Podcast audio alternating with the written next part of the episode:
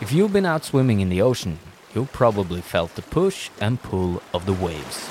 And I bet you've also seen the massive power from the waves when they hit the shore. These waves seems to never stop, and their enormous power should be possible to use for electricity, for example. But why isn't wave energy as common as energy from the sun or the wind?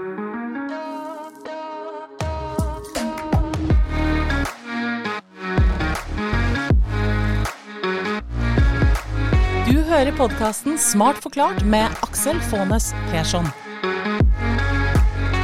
Welcome to a brand new episode of Smart Forklart, the podcast where you risk to become smarter every time you are listening in. And usually we are doing this podcast in Norwegian, but because of today's uh, guests and experts who don't speak that language, we are doing this episode in English. And who knows, maybe this is the start of an international breakthrough for this podcast.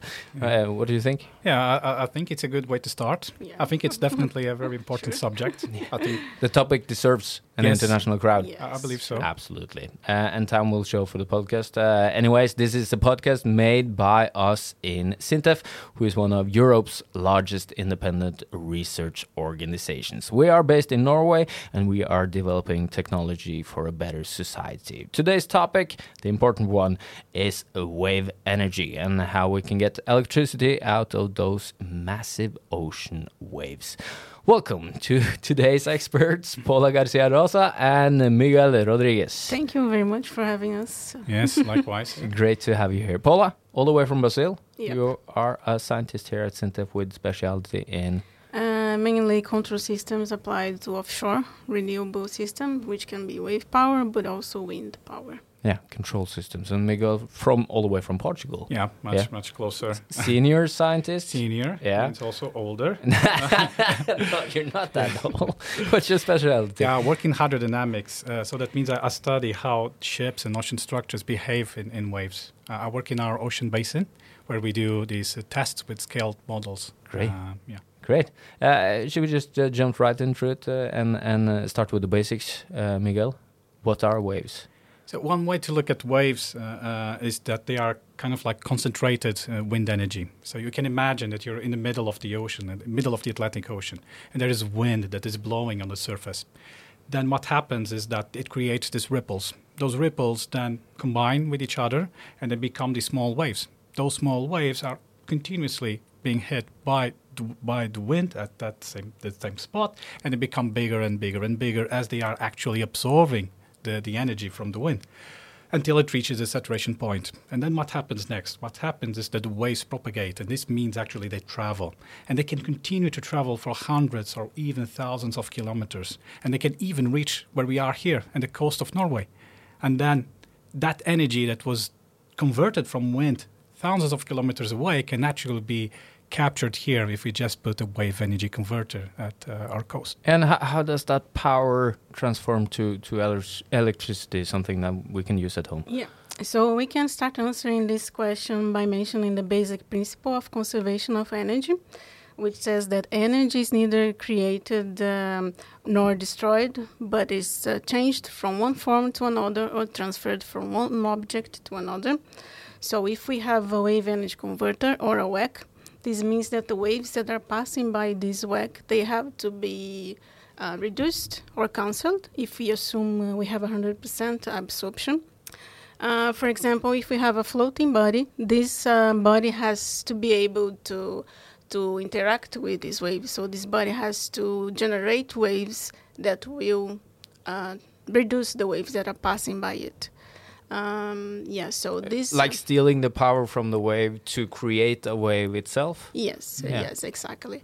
So, but the waves that this body is creating, they are not random waves. If we want to have maximum absorption, these waves they have to be um, related to the waves that are coming. So they have a specific size and phase. And some of these um, basic principles they were formulated by two Norwegians. Yeah, it- not to since, brag, but they were. Yeah, since we are in Norway, we, we should uh, we should Norway. highlight this. Um, uh, Thank you for mentioning that. yeah, and uh, Johannes Falnes uh, from NTNU uh, more than 40 years ago. And they also proposed methods on how to achieve this uh, maximum absorption from waves uh, that are widely used in wave energy control. That's a very important topic uh, for us in the field. Yeah, I, I, I think that one way to visualize this is that we, we can't just imagine a wall and where waves are hitting that wall. So it's, it's a wall by the sea. So the waves come. If the wall is standing still, doesn't move, behaves exactly just like a wall, uh, the waves come and then they are just reflected. So no energy is captured. No, exactly. The energy comes, is reflected, and goes back. But let's imagine that the wall is actually a wave energy converter. So what does that mean? That means that the wall can actually move. So it has can move, but will have some resistance to that movement. So that resistance is actually implementing a generator that will absorb energy. So what is that we want? The waves come, hit the the wall. The wall moves such a way that it generates a wave on itself, and that wave goes back to the water prop- propagates or travels and interferes destructively with the waves that are coming. So if you look at the waves, this is for, of course, 100% absorption. You look at the waves, and it seems that the waves have, are actually disappearing. So, as you know from the conservation of energy, nothing is, is, is disappearing. What is happening is that, that that energy from the waves that were coming is actually being absorbed by the generator. And that's why these two, these two guys, Budal and uh, Falnes, used to say to absorb a wave is to generate a wave. This is, was a very important, a very important sentence back uh, back in the days. And, and those things that you are calling energy converters, that they're basically like uh, I understood it's five different energy converter devices that help us, helps us to capture this power Yeah. uh, of the waves. Take uh, take us through those five. So one of them, for instance, is the overtopping device. So uh, we can see when we are at the beach, we see that the waves are coming and they actually travel a little bit upwards of the beach. So let's imagine that that beach actually stops at some point, such that the waves that are coming and the water that's going up is actually being collected in a reservoir, and like a pit. And then in the bottom of that, you can actually install a turbine, and then the water passes through that turbine and generates electricity, just like a dam, hydroelectric electricity. So that's one of the devices, That's one of them. Yeah. It's called overtopping device. You can have this on shore. You can also like a have like a ramp, floating. like a exactly like a ramp. yeah. That's exactly like a ramp. Okay. So we one one other that we can speak of is uh, what we call a pressure differential. So it is something that uh, moves up and down. Uh, let's say uh, connected to the bottom, uh, not very far from from the coast. Uh, but what happens is that it's called pressure differential because th- the waves travel past that uh, on top of it because it's completely submerged and it feels the oscillations of the pressure from the wave.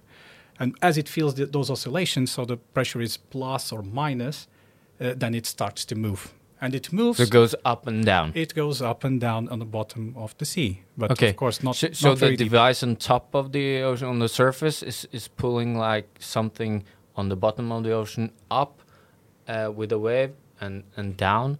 It's like it's like imagine like like if it, if it if it were a pump. Yeah. So the pump is on the bottom, and then you have what what moves the pump up and down. It's like a floater that is submerged, okay. and that one feels the pressure All right. that is changing. So it moves up and down. So it creates some pumping. And the third one. Um, the third one, uh, it's, it's a very interesting one. It's an oscillating water column. Actually, that Professor Falnes w- did some experiments in the 80s here in the fjord in, in Trondheim. Um, this is something that uh, I, I think that many people have actually seen in nature. So you, you can have like these caves just next to, next to the sea that have the bottom of them is actually connected to the sea. So there is water.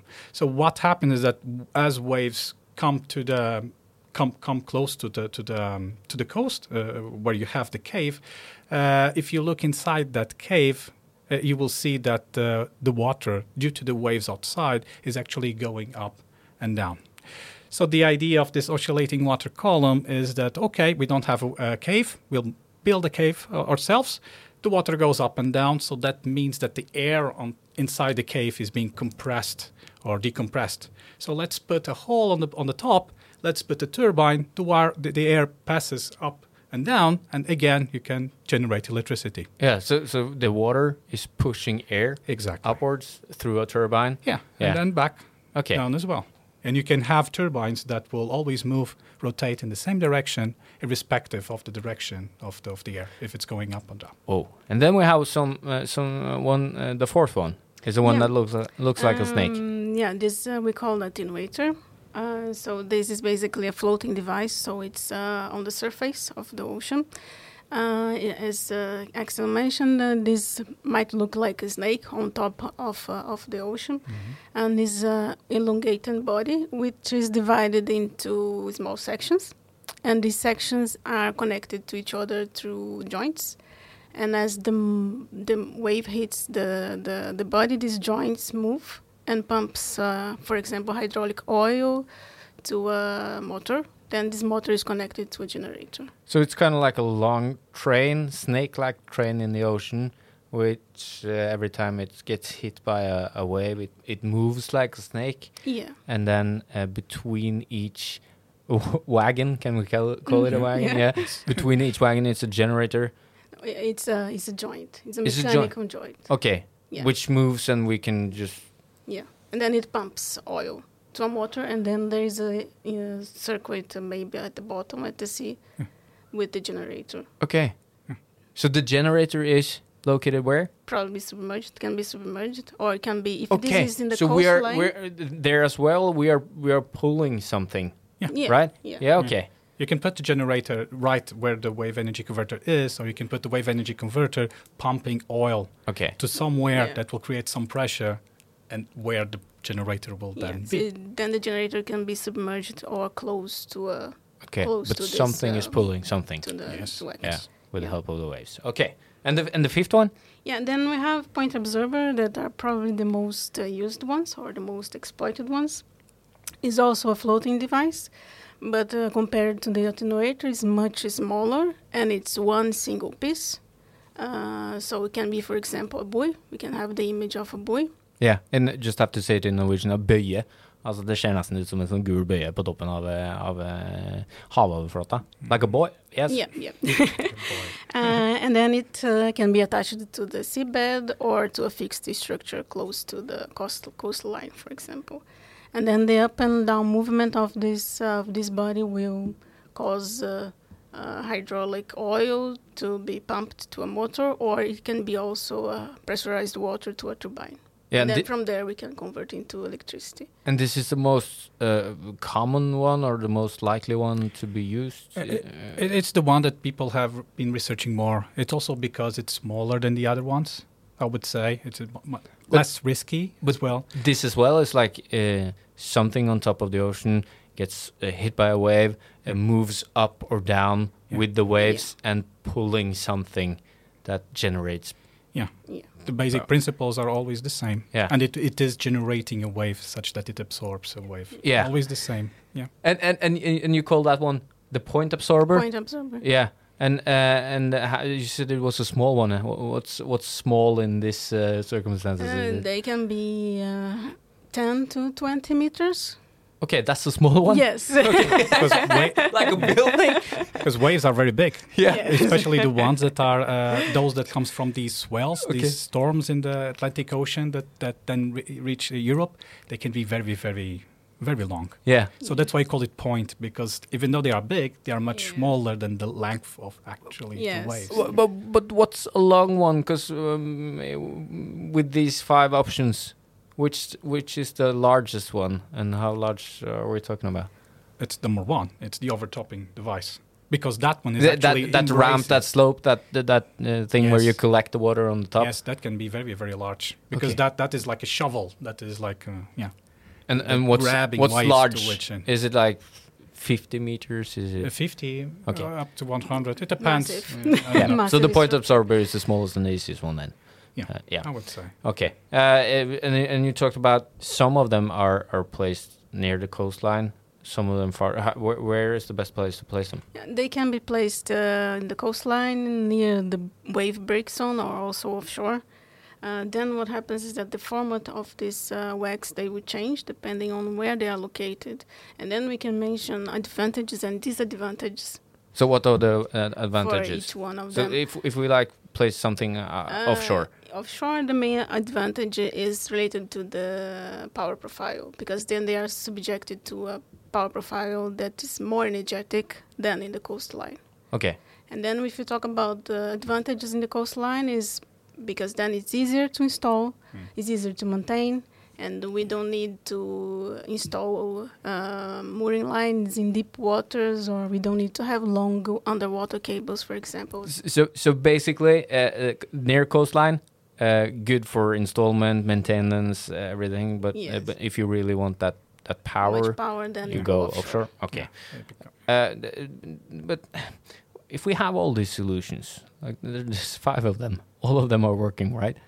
Uh, Yeah, they, Yeah. They, they work. yeah. Uh, Why? Why is it? Why, Well, is it, it- why isn't this out there in the ocean already, Yeah, capturing power for us every yeah, day? that, that also depends on the definition of working. So if working means that it, it absorbs uh, energy from the waves, Yeah. so they all work. okay, To So- generate power, they all generate power. Yeah, uh, exactly. but uh, but uh, there are other sources as well. You have wind, you have solar, you have uh, all all of those.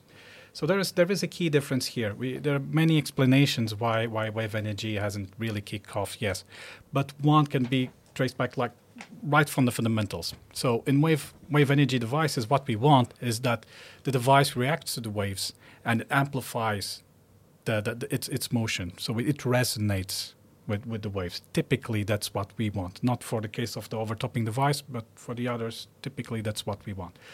Uh, so that's a cool thing when you have uh, moderate or small waves. But what happens when it when it comes to the winter? So suddenly the waves are very big, and do we want to amplify those those those those motions of the wave? No, we don't want that because it will destroy the thing. it's too powerful. The waves are too powerful. exactly, the waves are too powerful. Okay, so, we have the solutions, but we haven't like gotten there where we can make them uh, stay all the year out in the ocean because of the massive waves in the winter. Not at least not in a way that, uh, in the end, the costs of it can be competitive to, to others. Yeah, okay. Because we can make them very robust, but then they are not very efficient when you have small waves. And very expensive to make. Uh, so exactly. So in the end, you have something that is very expensive, generates electricity, but it's at a much higher cost than its competitors. And I would say that up to now, that uh, if you're talking about the fundamentals of the technology, that would be a main a main a main issue. But how if if like it storms, uh, the weather conditions, like the environment, this is like a main challenge, I guess. Are there oth- other ch- other challenges? Yeah, we, we, I mean, if you if you want to to, to, to use proper words, uh, then we will be talking about reliability, which is the, the, the device, its ability to, to work properly and to resist when it's actually operating, or survivability. That's when we are talking about when you have this these big waves. So it may not be generating wave, uh, energy, but it has to survive. So uh, and that's these two, and I would say more the survivability aspect that is really pushing the cost up Yeah. and making it less and less competitive. That's where you guys come in. Like, how do we solve this these challenges?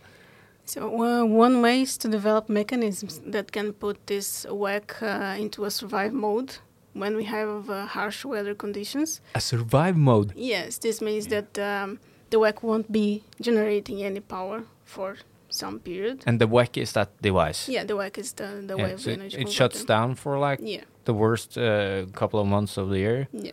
That, Or that weeks. would be the, the main the main purpose to make it survive and then be able to come back again later and continue to generate power.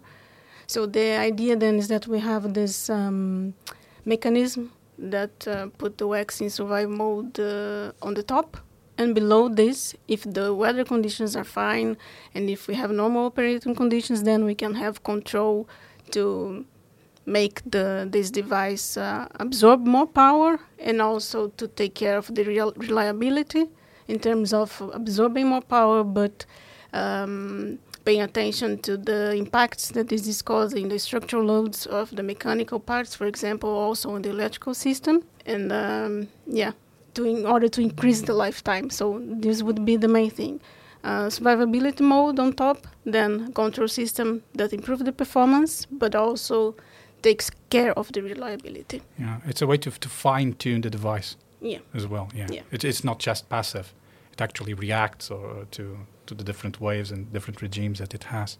Okay, so that's the next steps for for this Yeah. technology to Yeah. to cope with that. Yeah, but uh, uh, amongst other challenges, one that I was thinking about is when we put something into the ocean, then we we are probably doing something about the the organisms that are living there in the oceans, like it, it, it's creating sound that wasn't there before. It's it's a, th- a physical thing that's that wasn't in the ocean before. What do we know, know about those challenges? Uh, too little research has been done in this topic in the last uh, few years. Uh, we need to do more. But what we know so far is that, uh, for in terms of negative impacts, there is the possibility of marine life uh, coming into contact with uh, mooring lines, for example, or long power export cables. Um, but of course, these not not necessarily to be only negative impacts. We can also have positive impacts. Okay, like what? Yeah, if we're talking about submerged parts, then there's also there always a possibility for this uh, for this submerged parts to be a place where corals can grow, for example. Yeah, so it can actually be an opportunity to to make coral grow places Yes. where we we need them to grow. Yeah, Yeah. Yeah, that can be. positive impact. Yeah. Okay, always looking for the positive things. But more, more research needs to be done on that field. Yes, then. yes. Yeah. Okay. We have basically focused more on the technology itself for Yeah. the last uh, few years. But nothing that has proven to be bad for ocean so far. Uh, I- I don't think so, but but but then again, because it, it hasn't really kicked off, that means that we don't have so many installations of Yeah, wave energy There are converters not that out many WECs in, operating at the sea, so Okay. So not so much data. Yeah. to research more on that then. Uh, but probably it can be also a good thing. Who knows? Uh, but when we succeed with this technology, then where in the world is wave energy a good option? Uh, I I think first, first, first things first is that it, it has to have waves. So if you're in the in the middle of a continent, Yeah, yeah, that's not a good one. yeah. I could have answered that one. Yeah, yeah. Uh, but it has to it it has to have waves, and I won't say it doesn't. It does really have to have the best of waves. So if you want to have these swells, the, these big waves, very energetic, very long ones that are generated uh, far in, in the in the in the Atlantic, and you want to make them to the utility scale, which means like you have this really big wave energy converters just pumping energy into to the mainland. That will be places like in Europe, I, I would say like Portugal, and uh, and Ireland and Scotland. Uh, not so much Norway, but but but as well, I would I would say. Uh, but it doesn't have to be that way. Um, you can also, like like Paula was saying, you can control, you can fine tune the wave energy converters for the different different conditions that you have. It so, for instance, um, if you have like islands that are not connected to the grid. So it, it can be a very big investment just to have like this cable just going to, to the island that there's not so many popula- so much population there. So it's a good a good option just to put a wave energy converter there. It's a great way to supply an, an island with, with energy. then. Exactly, it's it's renewable. And for those cases, many of the islands that we have in the world, they are the electricity actually comes from diesel generators. So not only are those not renewable, but if you look at the costs, so wave energy is more or less com- competitive with uh, with those. Yeah. So that's that's uh, that's a very good choice for, for wave energy. And just if someone didn't get it, Yeah. Norway is a place where we should actually get this technology out in the ocean and um, pick up some uh, wave energy. Yeah, I believe so. Definitely, there's a really big coast, as everyone Yeah, knows, And there's a very energetic uh, power profile. exactly, and many islands. Yeah, many But- islands. But is it like uh, is it like because in my opinion uh, or in my eyes the waves never seems to stop. Is this is this an everlasting and, and stable source to electricity, Paula? Uh, well, the waves are a variable renewable source which uh, are highly dependent on the weather conditions. So this means that, of course, they will have um, variations in the seasonal patterns and also daily variations. But if you compare with solar power, for example, these daily variations are not as dramatic because the waves keep traveling throughout the days and the nights. And also, as uh, Miguel mentioned in the beginning, the waves are traveling from long distances. So, um, in case, uh, for example, of low production from wind, we can still have uh, wave power if these waves are coming from a long distance, for example. So, um, the wave power has the potential to contribute to the energy mix and to complement both solar and uh, wind power. So it's all about that mix again. Yes. when the, sun isn't mix. shining uh, enough, we can have uh, waves. When the wind isn't blowing, we can have sun and waves. Yeah. Like the mix. Yeah. Yeah, the mix is important because they are all variable. Okay, because here, here we're into something that that's important when it comes to electricity. It's all about that mix of different sources. Uh, how much electricity can can uh, ocean energy, or sorry, wave energy contribute with? Well, well, th- there are some reports that have been done by, by the European Commission. One of them uh, was done, uh, I believe, in 2017, more or less. Uh, it, they, they, they had this uh, prognosis that uh, ocean energy, not, not really only wave energy, uh, ocean energy, which also includes tidal energy, uh, to, to, to be up to 15% of the demand for the entire European Union. Fifteen percent. Yeah, That's a lot. Exactly. When? When Uh, I think it's 2030. Okay. I believe so. Yeah. So and from from now on, uh, like in six years from now, Yeah, exactly. maybe fifteen percent of our uh, total energy bank is is collected from the Yeah. ocean. Uh, Yes, I, I don't think that will happen. okay. that will happen, but it does tell you about the potential. Yeah. So it is possible to happen. Okay. Yeah, Great. but there have to be some catalyzers And, along the way. Because no one is using this now, uh, are they? Uh, in reality, no. There are some. Uh, th- there Some are some, systems being tested. Yeah. so it's just, yeah, but are tested. are anyone out there actually getting uh, power supply from the waves? Um, in, a, in a truly commercial scale, I, I would say no. Even though it, there are some, there, there are some examples. There, there is there is uh, uh, one being tested now in Portugal that will be connected to the grid. So that that is a good one. But it's still uh, it's still a test. Okay, but So- when is it ready to be used? I, I think it will be ready to be used and when it actually works. And then again, I'll go back to what we said at the beginning. What does it mean to, to, to, to work? It's when it starts to be competitive with the other ones. So what we need now is to have some good surprises, like it happened to other sources of, of energy. So we put the, a wave energy uh, converter there at the sea. We expect that it will absorb so many so many kilowatts, uh, and then we see that okay, not only it uh, absorbs these, but actually more than these. It survives not only the, the one year that we were expecting, it survives more than that. And suddenly everyone would look at this and, okay, this is something that is really, really feasible, this is promising. And once you have that, it can be a huge catalyzing effect. You can start to see governments just spending a lot of money to invest in this. One good example is, for instance, the, for instance, the automobile. So once it was shown that the automobile actually works, it's easy to, to, to build, it can mass produce, produce it, it took very, very little time for all the governments in the world to start spending billions and billions and billions of, of, uh, of uh, in, in, in, in building uh, roads, infrastructures, and, and, and, and all of that. So I think that is what we are missing now. So these tests that are being done this moment in, uh, in Portugal, for instance, uh, if they have a good result, if we have good surprises there, that can be actually uh, uh, um, a big change Yeah. because of, of that. Yeah.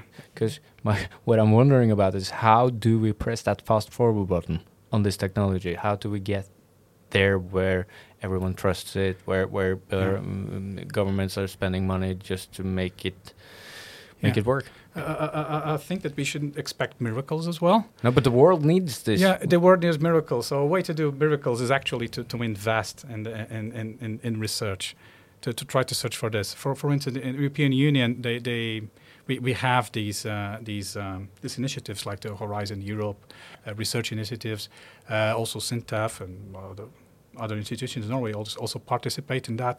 Um, they, they, they, they, they come up with these calls uh, for, for, for research in, in, into wave energy.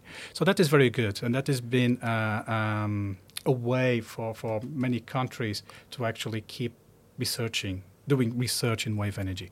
Uh, but I think it would be very important now is that it's not only in the European Union, uh, but also in the national in the, in the national scale. So also the, the, the each uh, country itself should also complementary make, make a complementarity to that, and especially uh, addressing uh, lower technology readiness levels, which means like uh, to actually try to foster some new solutions.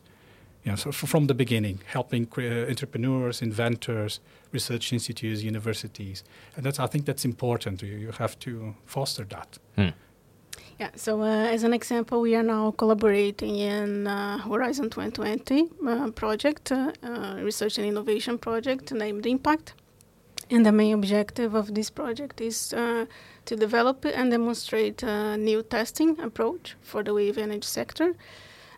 Testing in controlled environments uh, is a very important step in the development of these uh, wave energy systems, and pretty much all the wave energy systems should go through through a testing in uh, um, controlled environment.